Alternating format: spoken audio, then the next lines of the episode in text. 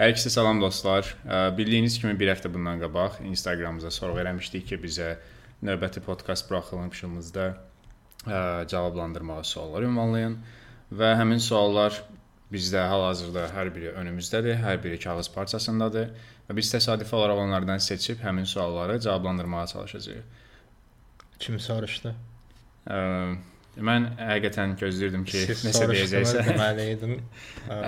və yeri gəlmişkən aktiv iştirakınıza görə də çox təşəkkür edirəm hər birinizə. 3-4 ayda artıq podkast eləmirdik. Bunun müəyyən bir qəmi qüssəsi də var idi bizdə təbii ki, amma hal-hazırda bilmirəm söhbətimizdən də hiss olunur yoxsa yox. Müəyyən qədər xoşbəxtik. Yəni bəli, darıxmışdıq deyə bilərik. Açıq da. E, Hətta mən sorğunu açanda qorxdum ki, cəmi 1-2 sual gələcək və mal kimi qalacaq, amma 10-15 dənə sual var hal-hazırda qabağımızda. Maraqlı mövzular var. Məsəl heç birini görməyib. Mən yazdığım üçün görmüşəm. Yenə də maraqlı olacaq. Bir də ə, məsələ belədir ki, ümumiyyətlə bu podkastlar həm Eşən üçün, həm mənim üçün də müəyyən bir özəl yer tutur. Çünki ə, istər-istəməz həyatın müəyyən çətinliklərinə baxmayaraq bəzən vaxt eləyib podkast yaza bilirik. Və podkast yazanda elədiyimiz ə, e, söhbətlər, danışdığımız mövzular hər ikimizin maraqlarına uyğun gələn mövzulardır və bu bizim üçün hətta biraz terapiya kimidir yəni. Çox dramatik oldu. Biraz dramatik oldu, belə baxışlarım falan dəyişdi. Amma həqiqətən elədir. Yəni ən azından bilmirəm, bəlkə dəyişən üçün elə deyil, amma Mən bu üstümə top atmaq lazımdır. Ə, xüsusilə son vaxtlar bəzi şeylər çox sürətli gedir. Ya deyil. Kim soruşdu? Məsələnin buna dəxli yoxdur. Yəni mən demək istəyirdim ki, biz bu podkastı sizin üçün yox, özümüz üçün edirik. Qətiyyən. Nəysə çox düzdür. Dinləyən 5 nəfər ha. Drama queen eləməyim. İstəyirsən yoxsa? Hə, başlayım, mən başlayım. Birinci kağızı çəkirəm. Tamamilə təsadüfəndir.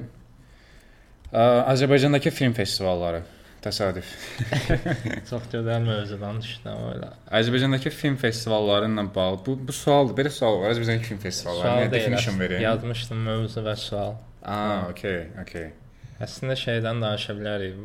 Onsuz yeni bir həftə falan olar hələ festivallarda iştirak edirdik, əməkdaşlıq onlardan danışa bilərik.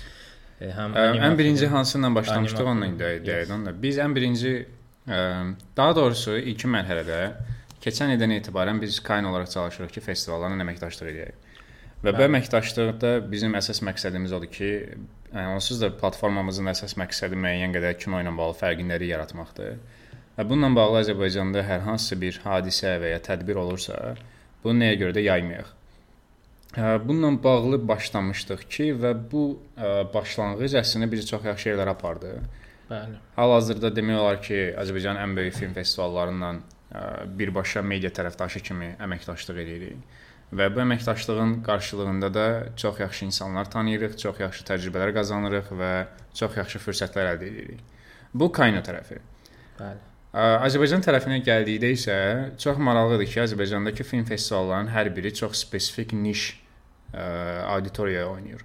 Yəni məsələn Azərbaycanda ə, böyük ingiliscə desək established film festivalı yoxdur. Nə mənada? Məsəl üçün ə, Oskarlara baxdıqda, hmm. BAFTA film BAFTA film mükafatlarına baxdıqda və ya Cannes film akademiyasına, akademiyasına idi, festivalına baxdıqda görürük ki, onların ümumiyyətlə auditoriyası daha çox belə daha genişdir. Hər janrdan demək olar ki, ora müraciət etmək olar.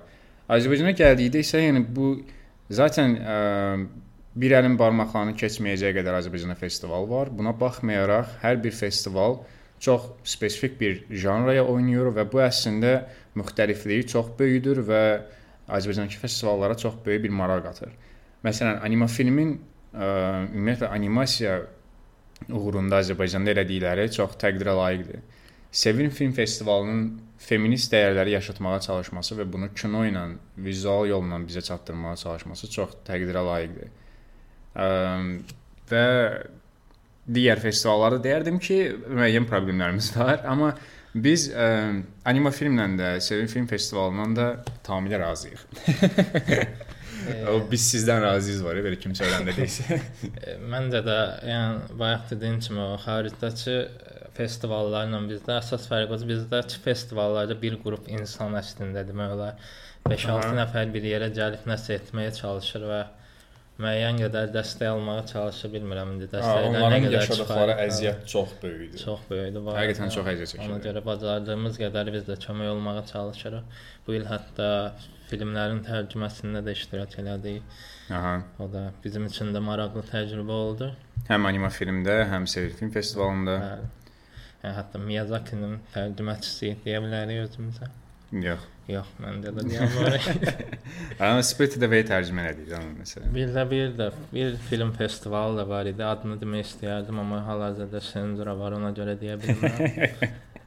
Eee, o da nə bilim, o haqqda nə düşünürsən? açığı Bip festivalı haqqında. Be- biraz maraqlı məsələdir. Ə, açığı danışsaq, səmimi olsaq, bizim onsuz da keçən ildən yəni müəyyən pis təcrübələrimiz var idi. Pis deməyim, yəni ən azından ə, Xoşumuza biz gəlməyən. komanda olaraq müəyyən qədər narazı qalmışdıq onların əməkdaşlığımızdan. Nəyə görə? Çünki biz belə bir şey hiss eləmişdik ki, sanki ə, ə, nəzərə alsaq ki, bütün hər şeyi könüllü formada eləyirik. Bizdə belə bir gözlənti yaranmışdı ki, sanki biz by default hər cürə şeyi etməliyik. Eynən. Və bu gözlənti bir yerdən sonra əslində bizi müəyyən qədər yormuşdu. Çünki adətən belə könüllü əməkdaşlıqlarda, ə, yəni bizim müəyyən bir auditoriya kütləmiz var və biz sadəcə onlara təklif edirik ki, biz sizə kömək edə bilərik. Yəni nəzərə alsaq ki, bizim kaynonu da hobi olaraq görürük. Yəni hobi olaraq, könüllü olaraq gördüyümüz işi yəni nə qədər az könüllü cümləni çox qəribə. Yəni daha belə məcburi Eynən, yəni eləməliymişik kimi. Yəni hobinin alt qrup hobisinin birdən-birə bizi sanki işləyirmiş kimi bir şey olması bizə nə qədər tərs gəldiyini təxmin edə bilərsiniz. Və bunun qarşılığında mən həm də orada ə, bir gün müəyyən bir filmdə moderator olmalı idim. Moderatorluq təcrübəm də yerdə xoşagələn olmamışdı. Orada rejissorun ümumiyyətlə ingilis dilini bilmədiyi ortaya çıxmışdı. Təsadüfən orada onun yerli dilini bilən biri olmasaydı, ümumiyyətlə ə, orada Fiyasko. müzakirə seansı olmayacaqdı. Və və siz təsəvvür edin, festival bitdi. Bitdikdən sonra ə, bizlə heç kim sonra heç bir şeyə kommunikasiya eləmədi. Nə bir təşəkkür mesaj falan. Yəni biz onsuz da hər hansı bir gözləntiyə girmədən təkliflərimizi eləyirik və dəstəyimiz olmağa çalışırıq, amma ən azından bir təşəkkür, ən azından Yəni bir müəyyən belə dedik, privilegiya. pul falan istəmir ya, yəni elə belə çıxa Yox, bilər heç bir maddiyyat yoxdur. Yəni məsələn, eynisini anima film və Sevil film festivalı bizə davamlı dəstək olurdu. Qayğı göstərdiklərini hiss edirdik. Həmişə hiss eləmişik. Hiss olunursan ki, onlar üçün də önəmlisən sən, yəni etdiyin işə dəyər verirlər, dəstəyinə minnətdarlıq Və edirlər. bunu ə, hər hansı bir yolla göstərməsələr belə davamlı olaraq bizlə hər bir halda kommunikasiyadadılar. Yəni bunun özü belə müəyyən qədər dəyərlidir. Ümumiyyətlə belə ə, fikrimizi sonlandırmağa çalışsaq, Azərbaycandakı film festivalları ilə bağlı ümumi təəssüratlarımız kifayət qədər yaxşıdır və biz artıq 2 ildir Anima Film və Sevin Film festivalından birgə işləyirik. Ə, və bu 2 il ərzində onların nə qədər yol keçdiyini görmək. Yəni siz təsəvvür etsəz Sevim Film Festivalında Agnes vardı, retrospektiv var idi. Anima filmdə isə Oscar qazanmış rejissorun ə, Oscara namizəd digər bir tam metrajlı animasiya filmi var idi, The Red Turtle. bəli. Hansı ki Ghibli Studios Və tərəfindən iştirakçı ilə var da. Yəni. Və özünün iştirakı ilə bəli. Biz orada Elşənlə Michael Dudok Daviddən demək olar bütün animasiya tarixindən danışdıq. Bəli. 5 dəqiqə vaxtımız var idi. 5 dəqiqənin ərzində Ghost in the Shell-dan danışdıq, Akira-dan danışdıq. Miyazaki-dən danışdıq. Charlie Kaufman'ın Eynən. animasiyasından danışdıq, adını unutdum. Yəni, ağlımızda olan bütün animasiya məlumatlarını istifadə elədik. Yəni adam şokdaydı ki, nə baş verir burada. Heç bir yerə bir gözləntisi yox. idi. söhbətə Charlie Kaufman'dan girdi özdə, yəni animasiyanın Mən ən sənə demişdim, o qayıtdı mənə soruşdu, sən ingilis dilini harda öyrənmisən? Bu arada siz görmüsünüz amma qabağımızda məlum bir şirkətin itçisi var. Bu bizi digər bir e, podcaster və ya kino mütəxəssisi ilə qarışdıracaq amma bizim münsif olaraq Hə, bəli, bizim yanımızda hal-hazırda Coca-Cola var, qətiyyən sponsorumuz deyil. təəssüf ki dağların bulaqlarından çıxan su yoxdur amma yenə də Növbəti suala keçək. Evet, Və yaxud da mövzuya. Oo. Real Madrid çıxdı falan deyə. Kino ilə dəxlisiz bir sual gəldi. Evdə pişik saxlayırsınız? Ə, yox. Saxlamaq istəyirəm, amma hal-hazırdakı yaşayışım ona uyğun verim şey vəziyyət yaratmır. Mən də evdə saxlamıram, amma həyatdakı bütün pişikləri bəsləyirəm deyə duyğu şey eləyirəm. Özümə Ya bu sual spesifikdir də, amma bu sual deyir ki, evdə pişik saxlayırsan. Yəni heç kim Yaxşı. soruşmadı ki, həyatda pişik saxlayırsan yoxsa həyatda pişik saxlamaq. Həyatda pişik saxlamırsan, ey bro, pişiyi çölə tutuluysan ki, yaşa. mən sənə gündüz sətə yemək verəcəm. yəni o pişik saxlamaq deyil. Nəzərə alaq ki, mən Sovetskidə yaşayıram və hər yer pişikdir. O pişiklər mən olmasam, nəysə, artist eləməyəcəm, onsa bacım eləyir, mən eləmirəm. hə. E, pişiklərlə bağlı pişik insanısan yoxsa it insanı? Ə, bu çox mən Gürcüstanda olanda itlər tərəfindən hücuma məruz qaldım. İtlə və it toxunmadı var. yəni açığı mən itləri də sevirəm, düzdür. Yəni problem yoxdur mənim üçün. Sadəcə çox hiperaktivdirlər. Yəni mən onlara çatdırmıram. Yəni pişiyi məsəl üçün qoyursan bir kənara öz üçün yaşayır da. Yəni it, itlər çox sürpriz dolu varlıqlar. yəni mən o sürprizləri götürə bilmirəm heç. Yəni məsələn Golden Retriever olsa deyəsən. O vapşem aktivdir o. Yoxsa ən azından dişləm. Bu arada onlar da dişləyir. Dişləməyən it yoxdur. Yoxdur, yəni bir otaqda qalsan tanımadığın it pitbull olsun istəyirsən yoxsa Golden Retriever? Retriever. Yəqin ki də. Amma pişik olanda fərq eləmirəm belə pişik də yəni maksimum nə edə bilər. Uzağı tullanıb nə, Prosta hər şey dağıdacaq falan. cırmaqlayacaq səni. Ya bir ev heyvanı sahibi olmadan məncə bu mövzuda çox danışmayaq. Faşizmə məruz qala bilərik ona görə. Pişiklərlə bağlı. Ya ən ev heyvanı saxlayanlar, ev heyvanı saxlayanlar çox faşist olurlar e, bu arada. Eee, mövzunu dəyişmək. Hitlerin də itibar edə deyə. Evinə girirsən məsəl üçün, evində pişik və yaxud da ki it var da belə. Yəni sən ona qarşı hər hansısa bir belə ə, xoşa gəlməyən emosiya bildirə bilmərsən də. Yəni deyə bilmərsən ki, mən bu pişiyi bəyənmirəm. Bu pişiyi biraz uzaq elə. Mən pişiyi görmək istəmirəm falan. Yəni o pişiyi sənin gəlib ağzına soxmalıdır.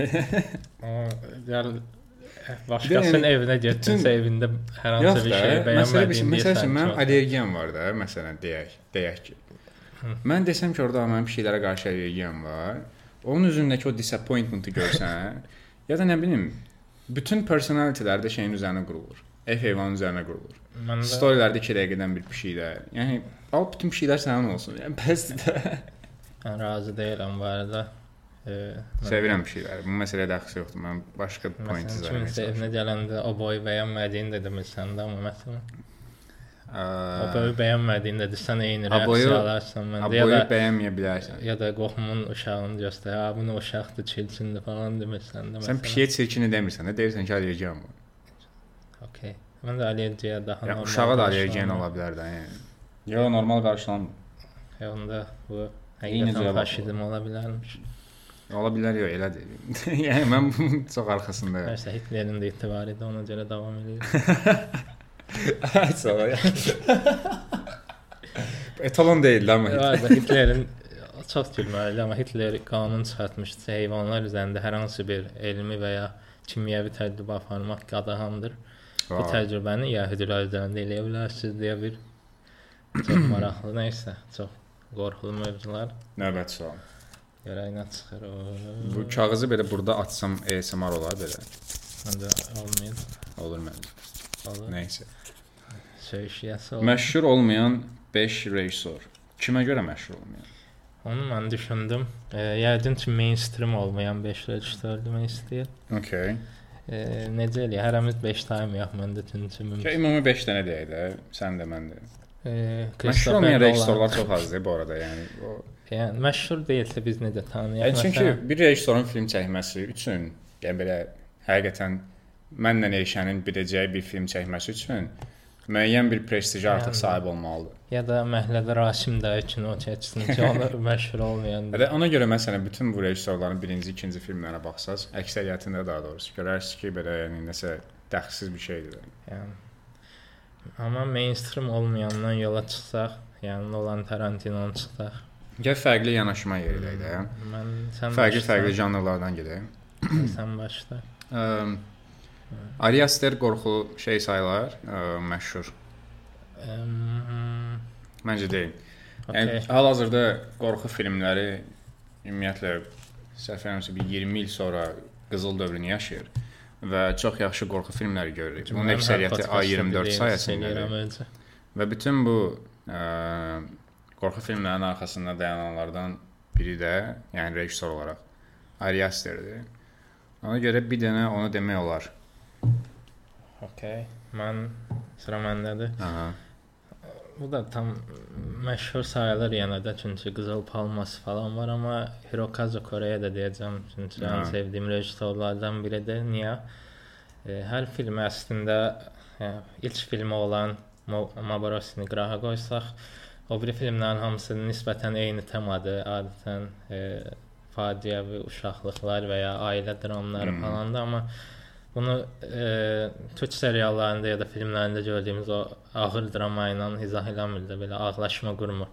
Elə e, yüngül, elə sakit dialoqlar, amma eyni anda biraz painful dediyimiz, biraz kədərli, amma kədəri də normal həyat səviyyəsi. Bitter Sweet də elədir. Aynen belə Bitter Sweet. Aynen. Bitter Sweet həm istidir, həm belə insanın içində isidən səhnələr olur falan.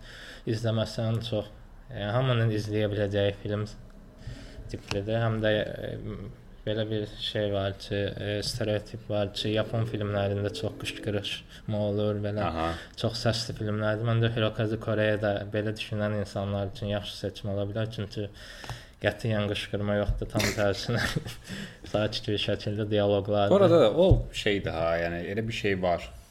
var.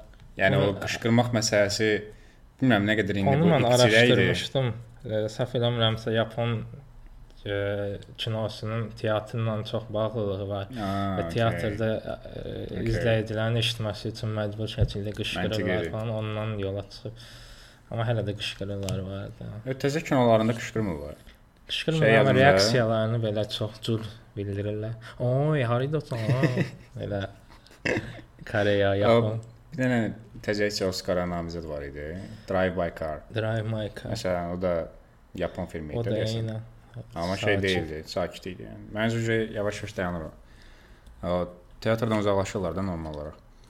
Növbəti ə, Avropadan ə, Finlandiyalı idi səhv eləmirəmsə, adını ola bilsin səhv tələffüz edirəm, amma Aki Kaurismäki deyə bir rejissor var.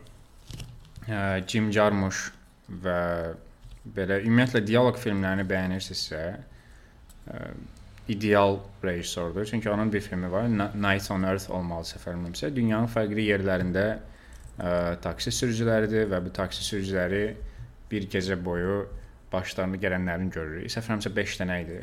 Ə, həm Finlandiyadan var idi, həm Amerikadan var idi və s. Filmin özü də çox maraqlı film idi. Rejissorun özünün də digər filmləri də mükəmməldir. Onu məsələn Avropadan çox məşhur olmayan, yəni daha doğrusu az tanınan rejissormuş kimi demək olar. Mainstream, o qətiyyən mainstream olmayan rejissor kimi demək olar. Üçüncü kimi. Yəni qəşəng sadə filmləri var. Hə. İndi mən mən nisbətən Azərbaycanda daha çox tanınan rus rejissor var. Andrey Zvyagintsev. Ha, okay. Bilmirəm nə qədər düz tələffüz edirəm. Düz deyirsən. Hı, Maraqlı filmləri var. Həm filmlərin arxasında dayanan hekayələr də maraqlıdır. Həm filmin ssenariləri də çox qəşəngdir. Məsələn, ən The Return ingiliscəsi Qayıdış The Return adlı filmi var. İki uşaq atasının arxasında atası ilə uzun müddətdən sonra tanış olub bir adaya gedirlər, orada yaşayırlar falan. Spoiler verməyim. Nə olur? Deyəsən bilirəm ya onu. Kinoya baxmamışam amma Bilərsən. yəni, görmüşəm deyəsən. Rejissoru tanıyıram o heç, amma filmi Mən- film nəsə harsı tanış gəlir. Ola bilər soruya falan da bəlkə qoyub eləmiş. Kaynoda paylaşmışdım, yadımda deyil.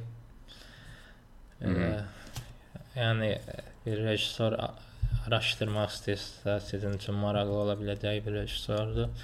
Üçüncü oldu bu, dördüncü. Bu üç idi. 1 Üç. 2 3 yo 4 oldu. Sən ikisini deməmişdin. Ə, Mən hə, ikisini- 4 oldu dörd deyəsən. Hə, oldu, 4 yes. oldu, yes. Sonuncu rejissor kim olsun? Sonuncu rejissor ə, biraz öz coğrafiyamızdan ola bilər. Azərbaycan ya da Türkiyədən.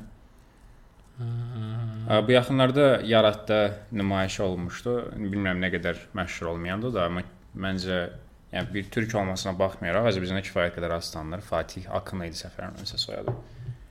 Onun ə, Headson filmi var. Türkçəsini tam xatırlamıram kinonun. Amma sırf həmin kinonu, hə, düz demişəm, rejissorun Fatih Akın. Ha. Mən ümumiyyətlə Hedonu çox gec bildim. Həmin filmdən çox gec tanış oldum. Rejissoru ümumiyyətlə gec bildim. Hə, rejissoru ümumiyyətlə gec bildim. Çünki filmə baxdım, sonra ümumiyyətlə heç rejissoru maraqlanmadım. Hətta mən fikirləşirdim ki, ə, o bəzi mainstream rejissorlar olur, bir dənə yaxşı film olur, sonra qalan Hə. hamısı şeydir də, Recep İvedik sayılır. Amma sonra gördüm ki, ha, bir dəqiqə Fatih Akın deyə biri var və bunun filmləri əslində çox spesifik mövzuya oynayır o da bu arada. Belə miqrasiya ilə bağlı, Türkiyə, Avropadakı miqrant türklərlə bağlı filmlər çəkir adətən. Ona məsələn ə, mainstream olmayan türk rejissor kimi örnək vermək olar. Gəncdir, səhv eləmirəmsə, yeni-yeni Aha, bir, bir ara Kanda da nəyəsə namizəd olmuş səfərəmsə. Ən sonuncu filmi ilə deyəsən. çox çətin bir mövzunu başa vurdum. Hə, özü bilmədən hazırlaşmadan. Oh, çox şükür. Növbəti suala keçid eləyirik.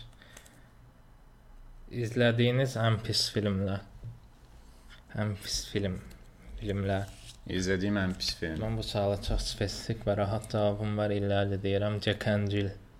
Jack and Jill. Jack and Jill idi ha. E, Ha, bilirəm onu. Al Pacino ilə qarşın adı nə idi? Amma sən ilk dəfə baxdığın vaxt mənim yadımda deyil. Çox həyatıma nifrət eləmişdim. Letterboxd-da 0.5 ulduz verdim.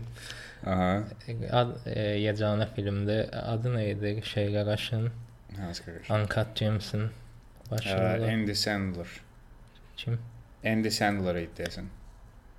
Andy Sandler, Adam Sandler. Adam hə. Sandler, hə. Adam Sandler'ın e, nifrət eləməyimə səbəb olan.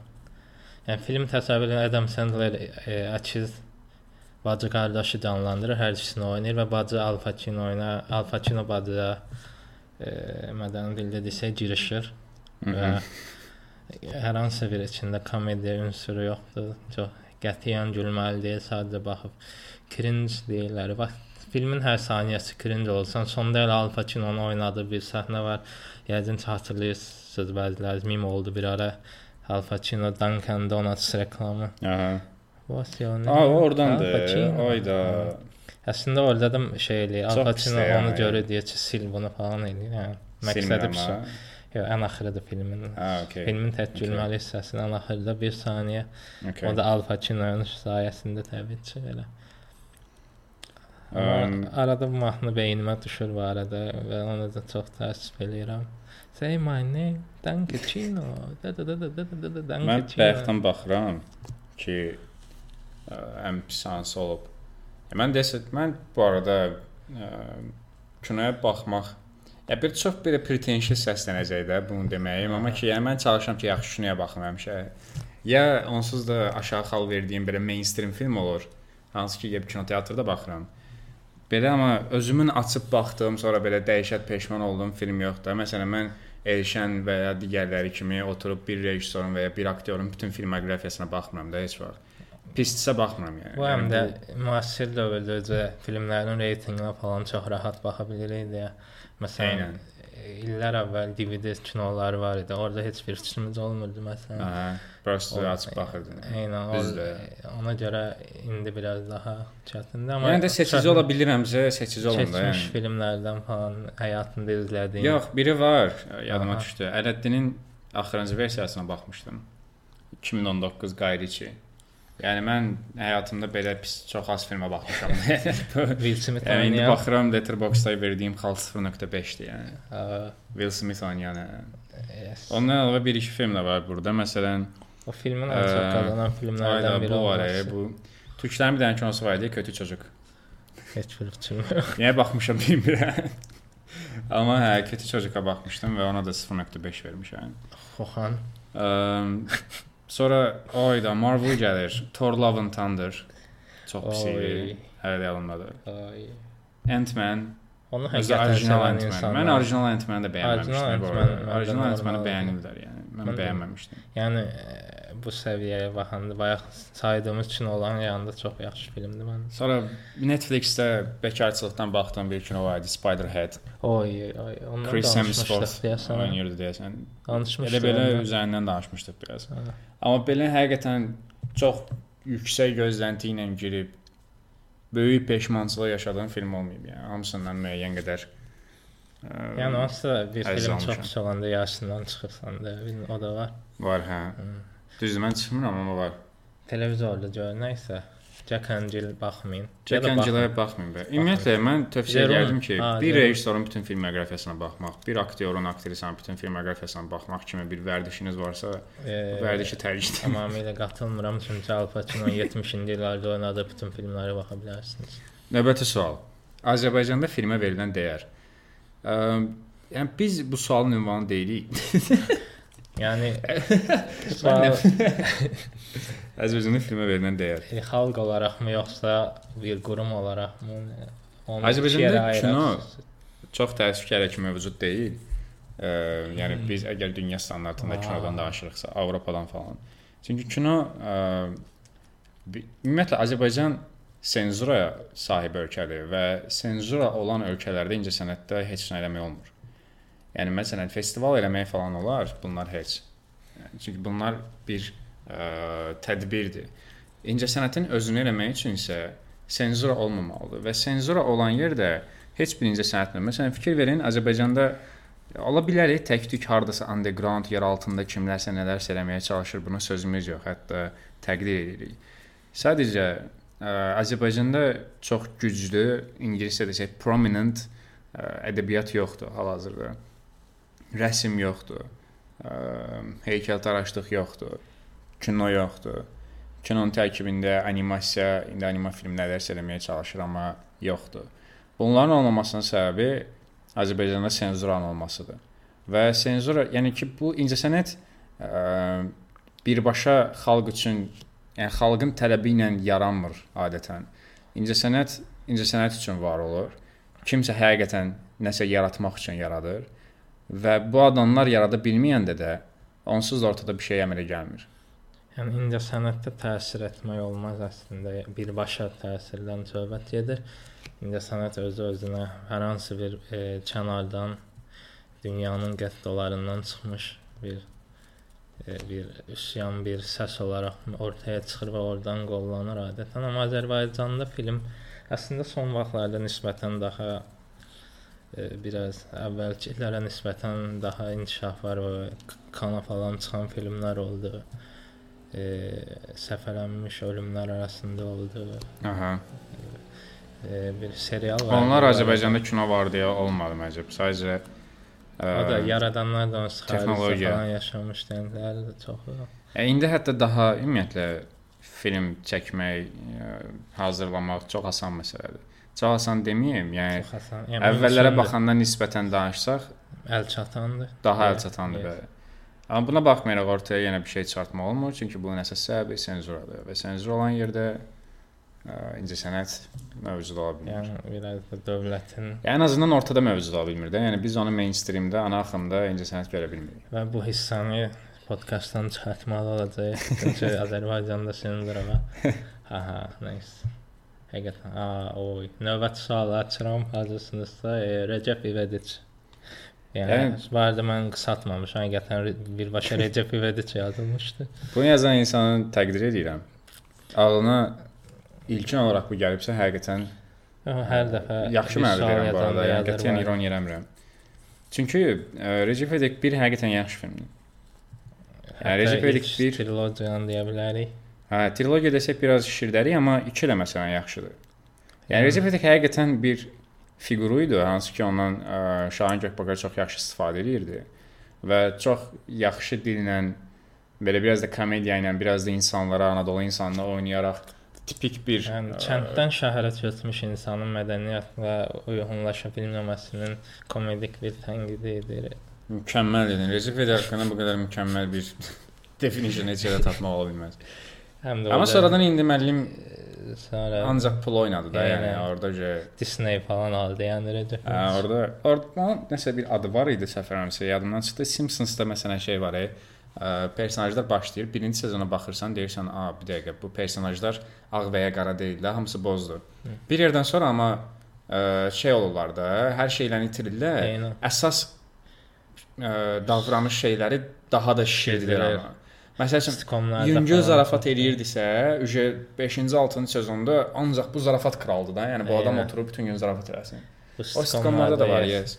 Yəni Recep İvedikdə biraz elə bir şey oldu da. Birinci birinci kino məsələn daha belə oturuşmuş, daha gülməli, daha belə maraqlı mövzular falan var idisə. komediya serial və ya filmlərinin niyə çox uzadılmamalı olduğunun əsas göstəricisi budur. Yəni Otantik idi də bu arada. Hətta siz bilirsiniz, ümumiyyətlə Şahin Gökbakarın o Recep İvedik personajı stand-updan çıxıb, stand-up deyək, veriliş idi deyəsən. Baxıb sən həmin verilişdə. Ha, bilirəm. Çox maraqlıdır yəni Hər dəfə bir adamı Hə, hə. Və gülməlidir bu arada. röportaj adam tərzli bir şeydir. Aha, aha. Yes. Sonradan təəssüf ki, baxar gülməli adam idi əslində. gülməli Sonradan- adamdır, hə.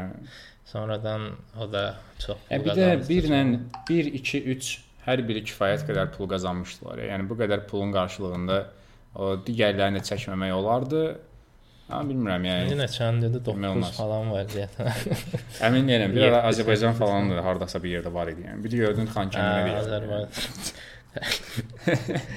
Erməniləri falan döyür də təsəvvür. Recep İvedik şah əsəri deyə bilirsən? Növbəti sual sözün əsl mənasında kim soruşdudur? Ura. Bu indi mövzudur yoxsa sualdır? Bu kiməsə zarafata cəhd idi. Mən sadəcə Mükəmməl zarafat. Həqiqətən. Unikallığınız bizi çox qısqandır. Necə yaradıcı insanlarsınız.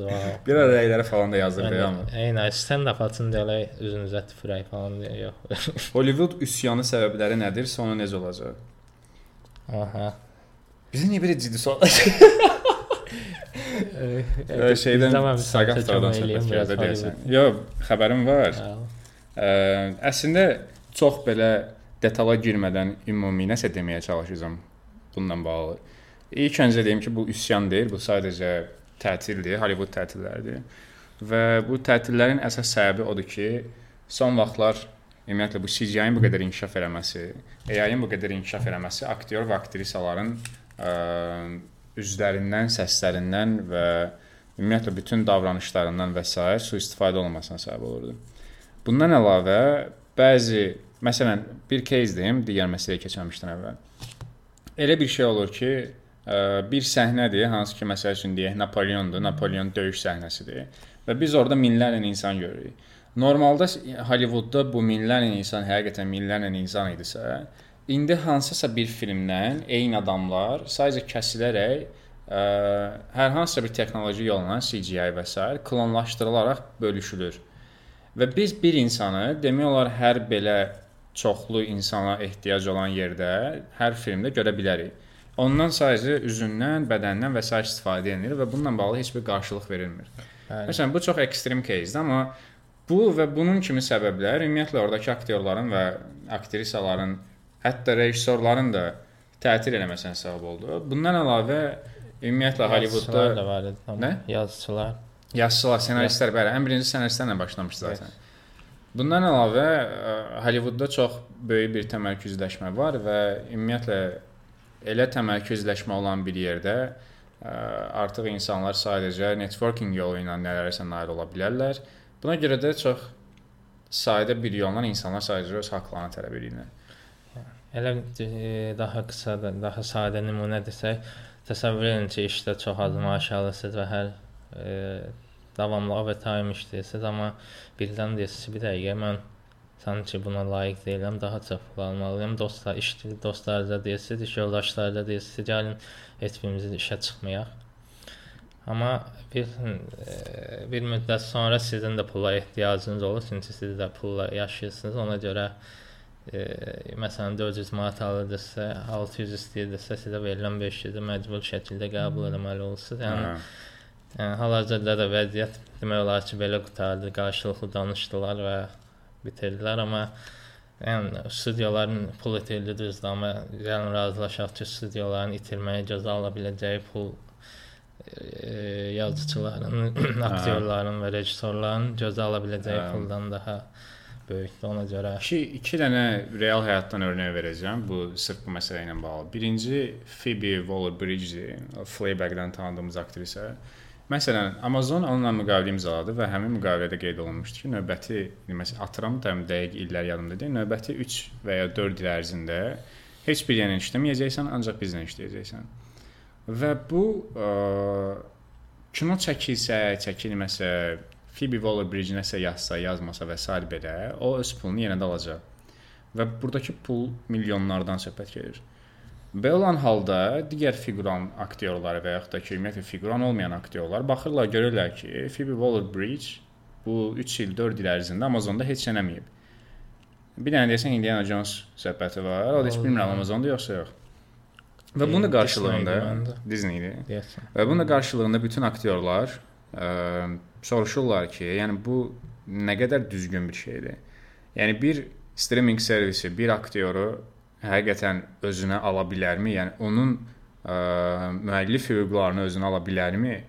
Onu alıb istifadə etmədən o boyda pul töküb, sonra eyni anda fiquranı 1000 dollar verə bilərmi? Bunlar nə qədər ədalətlidir? Həmçinin ə, Hollywoodda ə, ingiliscə desək Hollywood accounting, yəni Hollywood mühasibatlığı deyə bir konsept var. Və bu konsept çox inkişaf edib, çünki Hollywoodun tarixi artıq ə, demək olar ki, bir əsr ötür. Ə, bu tam olaraq necə işləyir? Məsəl üçün deyək, bir aktyor filmlə razılaşanda deyir ki, filmin gəlirlərindən, gəlir də deməyim, net gəlirlərindən müəyyən bir faiz haqq almalıdır. Və Hollywood accountingində hər hansısa bir film ə, artıq release olunanda, izləniləndə və pul qazanıldıqda elə mühasibatlıq triklərindən istifadə eləyirlər ki, həmin film zərərdəymiş kimi görünür. Və film artıq zərərdədirsə, sən avtomatik olaraq net gəlirindən ə, faiz götürə bilmirsən aktyor olaraq. Çünki film zərərdədir, ortada bir gəlir yoxdur. Məsələn, bunu Star Wars-un birinci filmi dünyanın ən çox qazanmış filmlərindən biri hesab olunsa da, biz onun mühasibatlıq hesabatına baxdıqda görəcəyik ki, əslində film zərərdədir. Və bunu onlar bəzi xərcləri şişirtməklə, nə bilim, orada bəzi qeyri-fiziki olan xərclər var. Onları vəsait şişirtməklə və s. böyüdürlər, xərcləri artırırlar və film zərər edibmiş kimi görünür. Bunda da yeganə səbəb odur ki, studiolar vergi verməsinlər və ya verirdilərsə də daha az versinlər. Belə olan halda da faizlə işləyən bütün işçilər, aktyor heyəti, aktrisa heyəti heç biri ə, həmin filmdən gəlir götürə bilmir. Yəni bu kimi faktlar bir çox olduqda artıq toplanıb toplanıb bir yerə gəldikdə ə, axırıncı tətillər kimi tətillər Məsələn, Aaron Paul demişdi ki, Netflix-də Breaking Bad-dan mənə bir heç bir pul gəlməyib halbuki. Məsələn, Yəni belə. Belə. Keçən növbət sualı. məncə kifayət qədər. Məncə də. Hazırsan? Aha. O sənin sevəcəyin sual Barbie filmi haqqında nə düşünürsünüz? Mən Barbie filmindən əlavə ümumiyyətlə kinoların belə mem olması mənə çox əziz edir axır vaxtlar. Mən özüm də bu axında iştirak edirəm yəni. Bu maksimum. fürsətdən istifadə edib Barbie Oppenheimer e, cərəyanı deyək.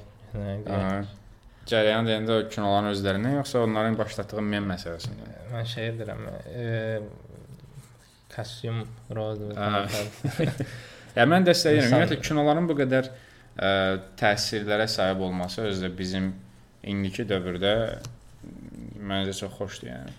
Əslində məsələ Çox bilirsən tarixi bir hadisəymiş kimi olmadı, amma çox hamı Mədəni rol oynayır və yəni. mədəni bir rol oynayır. hə. Mədəni bir nəsə iz qoyur arxasında. Yəni heç bir filmə baxmayan insan belə qara kostyum deyilib Oppenheimer-a və ya Barbie-yə getdi, yəni. Hamı artıq başa düşür ki, ya, məsələn, çəhrayı ilə geyinibsə deməli Barbie-yə baxmağa gedir. Kostyumla kinoteatra gedibsə deməli şeyinə baxmağa gedir. Aha. Filmlərin özünə gəldikdə Barbie Barbie yəni açığı daha da yaxşı ola bilərdi, amma mən öz nə gözləyirdimsə onu da aldım. Yəni Barbie haqqında maksimum nə etmək olardı ki? Yəni Yəni həqiqətən pul qazanmağı pul qazanmaq üçün çəkilmiş, amma Greta Gerwig-in buna baxmayaraq üzərinə bəzi şeylər əlavə elədiyi, müəyyən dərinlik qatmağa cəhd etdiyi film idi. Oppenheimer-a gəldikdə isə açığı ə, Oppenheimer-dan mənim gözləntilərim daha böyük idi. Bəzi səhnələr ümumiyyətlə olmasa da olardı. Düzdür, indi biraz gecikdir bunun haqqında danışmaq. Amma ümumi olaraq Oppenheimer-ı da bəyənmişdim. Ə, nə? dava eləyənmədik deyirəm. Çünki. Oppenheimer-i çox bəyənmişdim. Sən çox bəyənmişdin? Bəli. Məzələnmə. Hətta yəni 2 dəfə baxdım, bir dəfə də IMAX-da Oha. getdim baxdım. Ciddisən? Hə. Yəni çox bəyənə bilərsən, e? düzdür. Yox, Mən düzdür, mən zəhləm də. getmədi o heç. Bəzi səhnələrin artıq olduğunu razıyam, amma ümumi çox keç gözəl təcrübəsi. nude səhnələr çox dəxilsiz Eynən səhnələr. biraz mən. Yəni, nə ehtiyac var idi Sən ki? niyə var idi o? yəni interroqasiya ortasında sən niyə flörtünlə, niyə? qucağında bit görürük O da ki? biraz şey içinizdə nöller gəlmişdi filmə, bir də qıraqda Barbie-dən çıxıb gələnlər var idi. Onlar dedi ki, "A, Baba va sənin üçün də bir daha. Va, va, va. Şey Florence Pugh var, çılpaq hava. Bir də biraz Bir şey arada idi, şey vardı, fizikanı klassik işıq-mışıqla izah eləməyi vardı. Belə o işıq Ya orası okeydir. Məsələn, elmi olaraq məsələlər, elmi məsələlərə çox qəşəng toxunur. Onlara razıyam. Onsa Nolanın şeyi odur da, yəni ə, nə deyirlər ona? Director's mark odur da. Yes, imza hərəkəti. İmza hərəkəti odur, bəli. Yəni Nolan elmi çox qəşəng vizual göstərir. Onunla heç bir problem yoxdur. Prosta Nolan normal insanlar necə olmalı desən onu bilmir. Yəni normal insanlar belə durduq yerdə danış söhbətin ortasında birdən nə bilim ə, atom bombasına falan söhbət eləmirlər. Yəni mən heç bir Nolan filmində Eləmirlər. sadə ə, həyatdan nümunələr görməmişəm. Ya məsələn, çox dəxilsiz örnəkdir, amma Miyazaki-nin animələrini Miyazaki animesi edən şey odur ki, oradakı personajlar normal insanlar həyatda necə yaşayırlarsa, o qədər realistik yaşayırlar. Məsələn, bir şeydə Mononoke-də bir səhnə var. Orda ə, stəkanına su doldurmaq istəyir. Doldurmamışdan qabaq suyun içinə salır, yaxalayır, suyu tökür, sonra bir də salır, içir. Yəni bu yaxalamaq söhbəti, yəni necə də, bunu necə düşünə bilərsən ki, mən bunu animasiyada göstərim. Okay. Amma Nolan-da elə bir ki baxırsan kinoya bir şeydir də, belə sən dünyanın mərkəzindəsən, hamı səni izləyir falan, elə deyil də. Yəni Avropada nələrsə baş verir. Oppenheimer bu qədər zor deyil. O çox belə bəzi seksiz səhnələr falan var idi. Ümumi yenə deyirəm, mən həmişə kinolardan belə pis şeylər danışıram deyə hamı elə bir kinolardan zəhləm gedir, amma Oppenheimer bəyənmişdim. Yəni yaxşı film idi. Amma ə, bəzi nüanslar var idi ki, həmin nüansları gözdən keçmək olmurdu. Yəni. Əslində sual Barbie haqqında idi biz. Barbie biraz elə Barbie-də də Barbie bayaqlam dediyim kimi, yəni Barbie-də məsələn o ana ilə qızın də- hekayəsini çıxartdı. Ancaq Barbie haqqında olsaydı üçün ideal. Margot Robbie ilə Ryan Gosling mükəmməldir də, yəni. Də. Kaş Margot Robbie Emma Watson olardı. Emma Stone daha doğrusu, sorry. Emma Watson yox. Emma Stone olsa Margot Robbie. Emma. Nə? Ya mən Emma Stone-un Ryan Gosling kainatına vurğunam deyə. Onların demək olar bütün kinolara baxmışam dəfələrlə baxıram. Mən hər olanda açıb Crazy Stupid Love-a baxıram. Okay.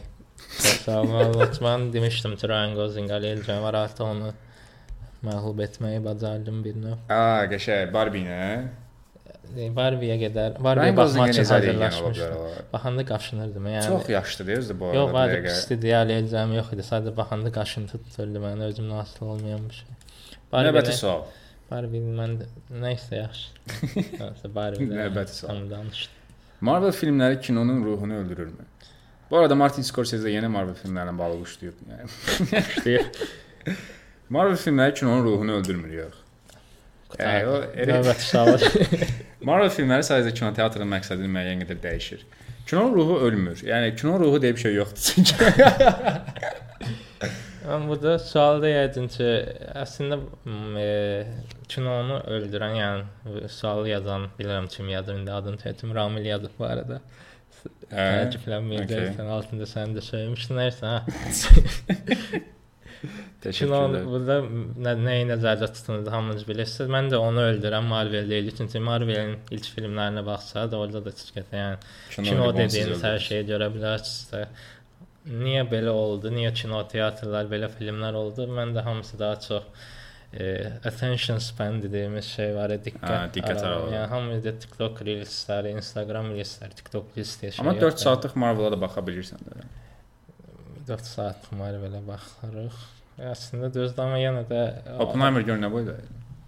Yəni o da Müddət olaraq, dayanmadan sözünü kəsməyə. Çox pis zarafat elədim amma araya. Yəni. Amma məsələ ilə razıyam. O bilsən, məncə ə, ruhu öldürmək məsələsinə əlavə kinonun kino onsuz da var. Yəni sən onu hər yerdə izləyə bilirsən də. Sadəcə Marvel filmləri kinoteatrları öldürə bilər. Kinoteatrların məqsədini dəyişir. Kinoteatrlar müəyyən qədər Luna Parka çevrilir, amma sən kinonu gəlib təzədən yenə telefonunda, televizorunda, notebookunda izləyə bilərsən. Yəni amma belə bir şey ki, art house filmlər onsuz da tarix boyu əzizlənən filmlər olub. Yəni bu artist filmlər hətta məncə son vaxtda daha çox izlənir, yəni, əvvəllər. elə yəni. hamı elə deyir elə bir ham ancaq art house istəyirdi, birdən-birə Iron Man çıxdı və bir daha heç kim art house izləməmişdi. Ya maraqlısı bir şey nədir? Adamlar George Lucas'ın Star Wars-undan, Steven Spielberg'in Jurassic Park-ından indiki Marvel-ın əslində şey olduğunu, yəni də mədəni olaraq, cultural eyni şey olduğunu tam fərqinə deyillər. Yəni bu kinoda mühafizəkar olmağa dəyməz.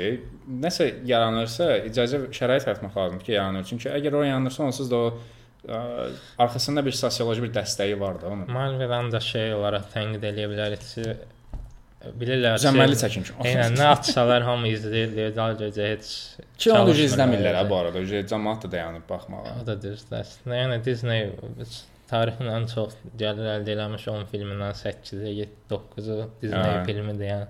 Aha. Səs Avatar başda olmaqla. Hə. Maraqlı bir şey Yəni. deyəcəydim yadımdan çıxdı. Scorsese. Ya, Yox. sosioloji təsir falan filan. Nəysə, keçən növbət sualı. Nəysə öldürmür oxşum. Əldə. Dırım, dırım, dırım. Okay, bunu ingiliscə yazmışam, tərcümə edeyim.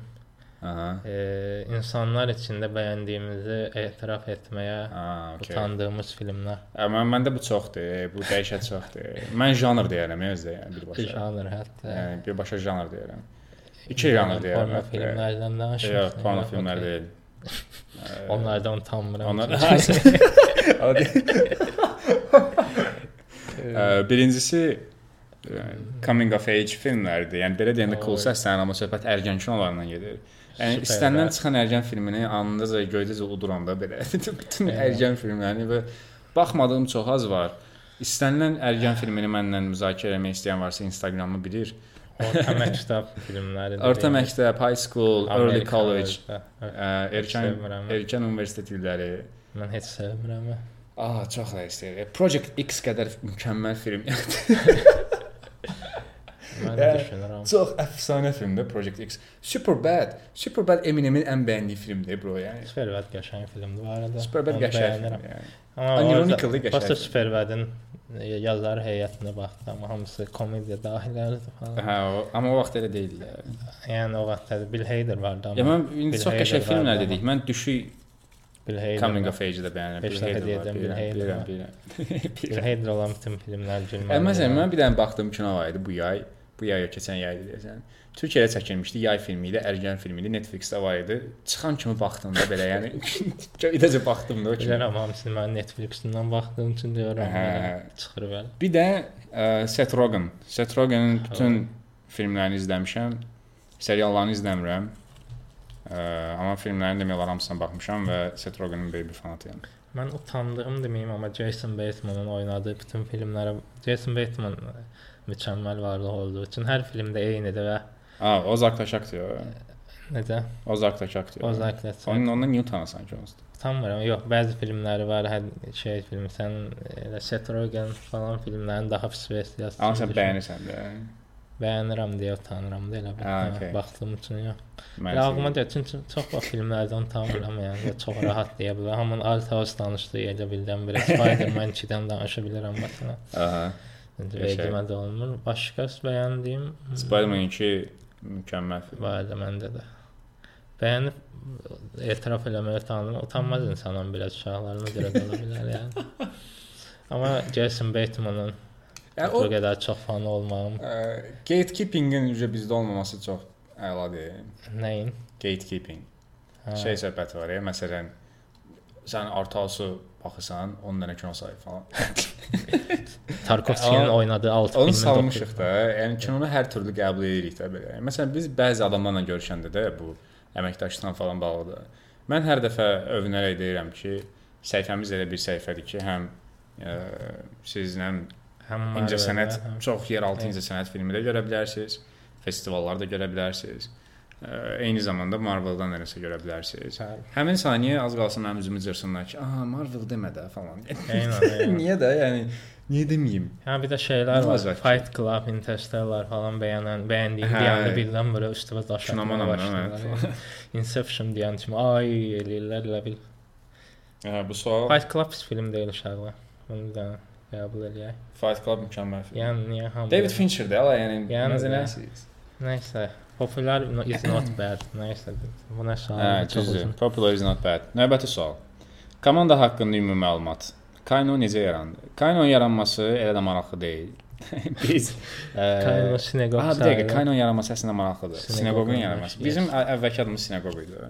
Sinagog'u biz yaradanda mən prosta çoxlu Çox baxırdım. nə saçılasın. Ə, Nicat bir də Fərid deyə dostlarım var idi. Fərid hələ də komandamızdadır, video editor kimi işləyir. Nicat çox təəssüf ki, artıq bizimlə deyil. Yəni komandada deyil, yaşayır hələ də. Ə, üçümüz birgə səhifəni qurduq və yeganə məqsəd o idi ki, ə, indiki məqsədimizlə eyni idi. Yəni yeganə məqsəd o idi ki, deməyim. Sadəcə biz tipik Facebook səhifəsi kimi açılmışdıq. 2018 il, 19, Bəli. 2019-cu il idi. 2019-un əvvəlləri idi. Mhm, yanvar ya fevral. Ə, tipik bir Facebook səhifəsi kimi açılmışdıq. Yəni belə ad günü falan təbrik edirdik, təhlil falan paylaşırdıq. Yəni alqoritm Xəbər falan heç nə bilmirdik də, xəbər falan paylaşırdıq da. Amma vaxt onsuz da düzgün internet şey ortamı yox idi indiki kimi də Instagramdakı alqoritmlər falan kimi. Yəni Amma Facebook dövrü idi də, yəni. replikaları var idi. bir. Film replikaları var idi. Yes. Yes. Ə, Ona görə müəyyən bir auditoriyaya gəldik. Sonra kəşf elədik ki, bəs bir dəqiqə Sinaqoq adında xaricdə bir səhifə var və çox məşhurdur. Ona görə dedik ki, səhifənin adını dəyişək. Amma bundan əvvəl arada bir yerdə hansı bir ilin yayı idi. Onda mən Facebook bizim səhifənin Facebook qrupunu açmaq istəyirdim. Erşənə dedim ki, bəlkə sən admin olasan. Erşən də elə hə- həmin saniyə dedi ki, okey. Yəni Erşən də belə admin oldu. Sonra dedim ki, stat falan düzəldə bilirsən, dedi düzəldə Daha bilirəm. doğrusu mən dedim ki, statları şey kimi paylaşırdılar. Mətn olaraq dedim. Hə. Çox sadə də Photoshopda üstünə yazsan dedi, eləyə bilirsən dedim, hə dedim. bir iki dənə elədim, göndərdim. Də gördüm istəməyə başladı falan. bir də gördüm özü tələbə döndü. Yəni atmayanda yazırdı, niyə gəlmədi zət. bir də gördüm mən paylaşıram artıq elə belə. Sonra admin oldu. yes, sonra mən üstümdə qaldı. Daha sonra da 2021-də qərar verdik səhifənin adını dəyişək. Daha belə modern səhifəyə çevirək. Onu çalışaram cavablandırım. Daha modern, daha platform olaq, səhifə konseptindən çıxaq. Ə, Ona görə də rebranding elədik özümüz üçün öz dünyamızda. Kino deyə bir söz var, hamımız bilirik. Onu da belə necəsə startap sayağı bir ad fikirləşim dedim. Yəni Netflix. İyini Netflix sayağı, hə. İyini yığ elədim və məncə zordur. məncə elə loqonu da belə düzəldi. E, minlərlə loqo ideyası atdı. Bunu demə də, bə niyə niyə peşəkarlığımızı Niyə- öldürürsən? Amma yox, yox, amma axı düzdür. Bu özümüzünkilər də. Aha, aha. Onlar əslində o. Nəysə yaxşı demirəm. Logan e, bir dənə Loqomuz dahi, çox- dahi qrafik dizaynerimiz var idi hal-hazırda. Nike-ın loqosunun müəllifi Eynən, tərəfindən Hal-hazırda hazırlanıb. Nike-də işləyir. e, Michael Jordan'ın qardaşı oğlu. Belə, komandanın özü haqqında isə bizdə hal-hazırda məndən Eşəndən əlavə Vəfa var. O bizim ə, kommunikasiya Media, mütəxəssisimizdir. hə, Yes. Ə, Daha Fidan var. O bizim dizaynerimizdir. Yeni komanda üzvümüz Ləman var. Content creator olmağa çalışır və bayaqlan vurğuladan Fərid, o isə video editordur. Erşən content creatordur, mən isə ə, sadəcə supervisorum. Okay. Heç o bir cıra-cıra da. Daha belə ehtiyacı yox. Sadəcə Hə, supervisor. statları mən paylaşıram. Hadi sual. E, sual gəlir hazırsan. Celebrity crushlarınız Selena Gomez. çox sürətli. sual bitməmişlər. Emma Stone. Okay, bayaq dedim mən Ana de Armas. Ana de Armas. Ana de Armas. Aa, Ana bu de Armas. biraz da şey eləyək, mainstream olmayan deyə biraz. Ha, Anukame. E, Twilight'dakı qadın adı nə idi? Yadımda. Twilight-dakı. Bellanı oynayan. Məsələn, birdən bir. Məsələn sən. Deyən o be, a, Kristen Stewart. Yes, onu. Aa, onun cavanlığı çox qəşəngdir amma. ya. Mən hər İndi çox şey olub. Yo, indi halda çox nəysə. Məsələnmi? Okay. Aha. Aa. Biabıçıl. Adımı tələbəyə utandığım şeylər arasında bunu qeyd etməliydim. Ha. Hala Andrew Garfield. What? Qardaşım. Aa, Kate Blanchett. insandı. Ha, Tilda. Swinton. Məsələn, Tilda Swinton. Aa, Meryl Streep. Daha səhər kimi davam eləyər bu arada. Yaşının fərqi yoxdur bəli Meryl Streep'in. Meryl Streep bəli. Ala, Sir Sharonan. Növbəti sual. Deməli, niyə adları Azərbaycanca yazırsınız? Gülmə emojisi. Çünki Bunu sırf Leyla'dan götürdüm sırf belə Hə. linç eləmək üçün axıra düşməyə qəşəng oldu. ya çox sadə məsələdir. Azərbaycanda yaşayırıq, Azərbaycan dilində danışırıq. Azərbaycan dilinin qrammatikasını özümüzə hakim hesab edirik. Ona görə də danışdığımız dilin qrammatikasına hörmət edərək Yox, yəni mənə Charles Baudelaire-in necə yazıldığını düzgün yazan insan var ya da Charles Baudelaire-in Charles Baudelaire oxunduğunu bilirsən. Bir də bunu yazanların hamısının adı belə ingiliscə yazılmış olur o da. Hə. E, Elə bilir ki, İngiliscə məsələn, yazanda sən adı Ş və Ə ilə yazmısansa eyni məsələdir də, yəni. adam elə bilir ki, hamı doğulanda Jamesin James oxunduğunu bilirdi. Yəni də.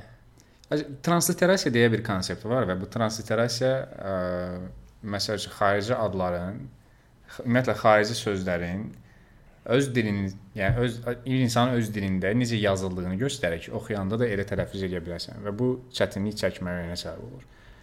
Bu ruslarda da var, Azərbaycanda da var və bunun olması çox yaxşı bir şeydir çünki ə, biz Hamı biz fransızca bilmir, hamı ingiliscə bilmir. Ona görə məsələn ayrıca ingilislər belə ə, fransız adlarını orijinalda yazırlar, amma oxuyanda ingiliscə oxuyurlar və bu səhv-süfdür. Transliterasiya isə şərait yaradır ki, ə, siz hər bir adı ə, orijinal formatında e, düzgün tələffüz edə bilərsiniz. Məsələn, Evan McGregorun əslində Ewan McGregor oxunduğunu necə təxmin edə bilərsiniz? Çünki adam Şotlanddır bilədi, yəni. Çox əsər.